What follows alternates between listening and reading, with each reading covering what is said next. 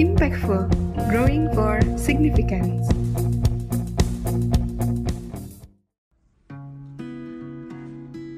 Halo sahabat pemimpin, di mana pun Anda berada, kembali bersama dengan saya Sunjo Yosu dan hari ini saya punya satu tamu yang sangat luar biasa.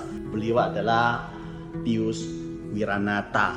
Beliau adalah sahabat saya ketika sedang kuliah S1 di Fakultas Bisnis Universitas Kristen Maranatha. Hari ini masih tetap bersama dengan saya di episode ini kita akan kupas di podcast Impactful, Growing for Significant. Kita akan wawancara dengan Bapak yang luar biasa ini. Bisa bercerita sedikit? Silakan Pak Pius.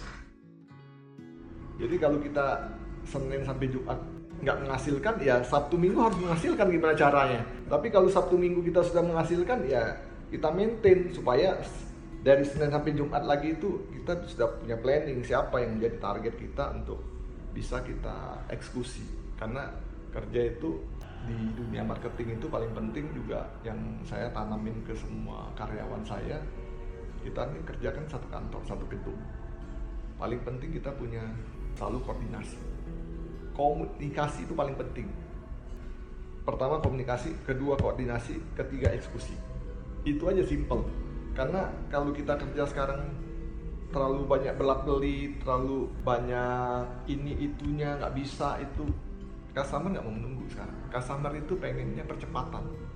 Ya percepatan kalau ini lagi dicanangin oleh Pak Martogi juga 2022 ini 2022 percepatan dan produktif produktivitas. Jadi ini selaras jalannya kalau kita bisa melayani customer dengan cepat kan customer juga lebih happy. Karena kalau customer sekarang kan sudah kritis. Pengennya simple. Ya sekarang aja kalau kita naik kayak Gojek atau pesen makanan sudah ada waktu timingnya.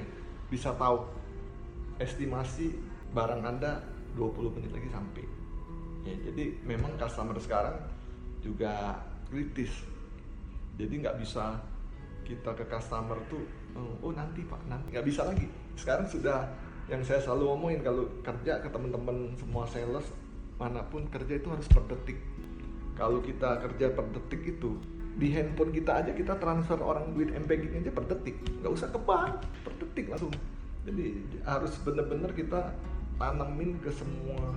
Kalau saya di area sales itu kecepatan itu penting banget karena kalau sudah customer bayar mobil dia harus tahu mobil saya kapan sampainya bisa delivery kapan. Jadi nggak asal misalnya di Auto 2000 memang ada yang namanya delivery time. Dia misalnya mau delivery hari Sabtu Hamin duanya dia sudah harus bayar ke kami.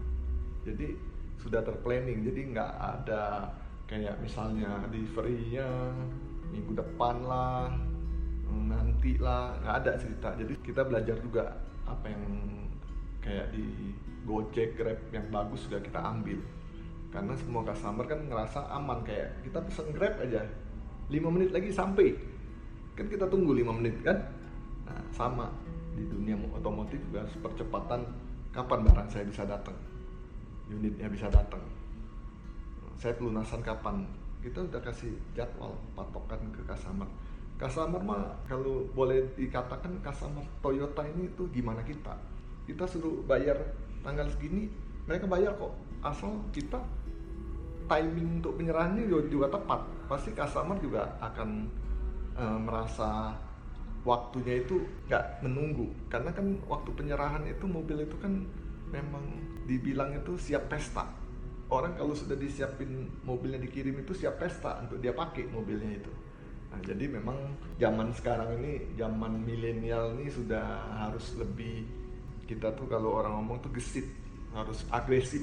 Jadi salesman nggak bisa yang salesman yang nunggu salesman yang nunggu bola sudah. Bukan jemput bola lagi nih giring bola. Bolanya digiring terus supaya kita bisa sampai apa yang customer customer kita yang kita layani dengan baik.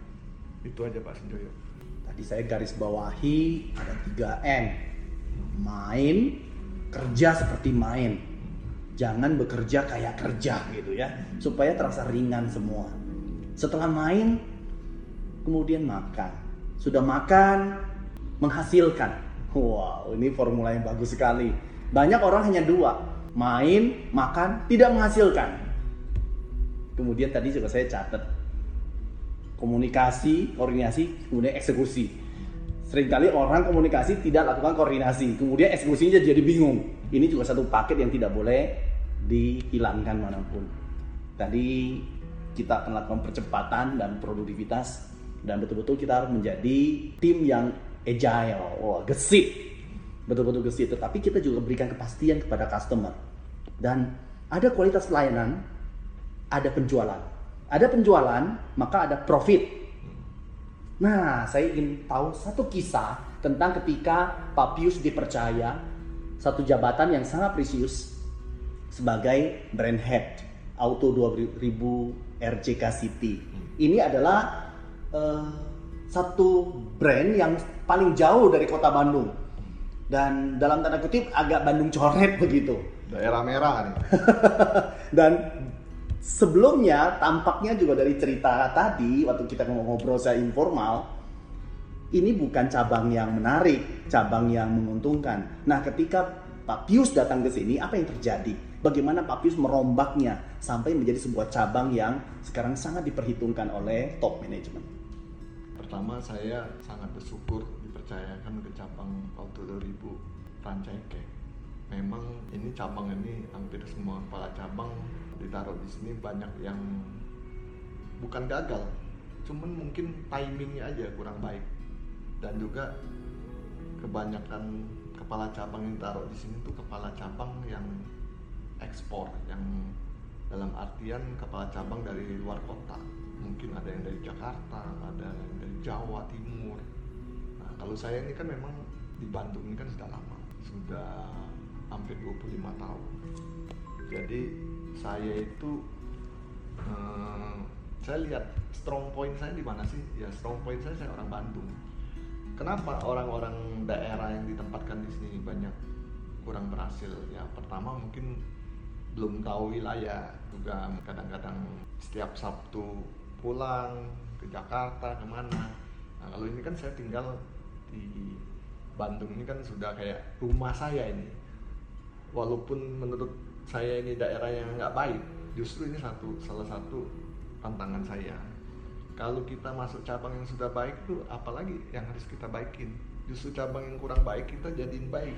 Kalau Pak Martogi ngomong bilang begini Pak Pius aja mobil bekas yang tabrakan aja bisa Pak Pius sulap menjadi mobilnya jadi kinclong jadi bagus jadi ibaratnya inilah mobilnya jadi fresh gitu. Nah saya ambil Eh, waktu sebelum pegang cabang ini wawancara Pak Marto ini kan tantang saya. Pak Pius ini kira-kira cabang ini menurut Bapak berapa lah bisa jual dengan kapasitas salesman cuma tujuh orang? Ya kata saya bisa sampai 40-an Pak kira-kira.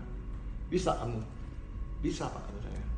Walaupun saat itu pun jualan cabang ini masih 25 dengan adanya menurut saya juga ini percepatan di daerah RCK ini sangat baik. Kenapa?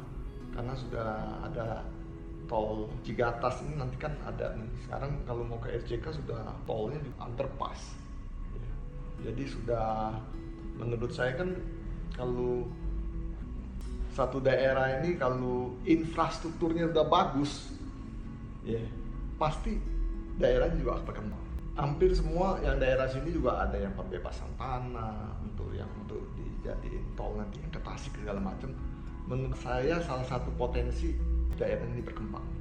Nah, memang orang tuh kadang-kadang pertama kalau dikasih cabang yang kurang baik kan suka ngeper. Kalau saya justru dikasih begitu tantangan bagi saya karena saya paling suka kalau orang Chinese tuh ada tuh uh, ada peluang dan krisis. Di satu krisis tuh pasti ada peluang besar. Terima kasih Pak Pius untuk obrolan kita impactful, growing for significant.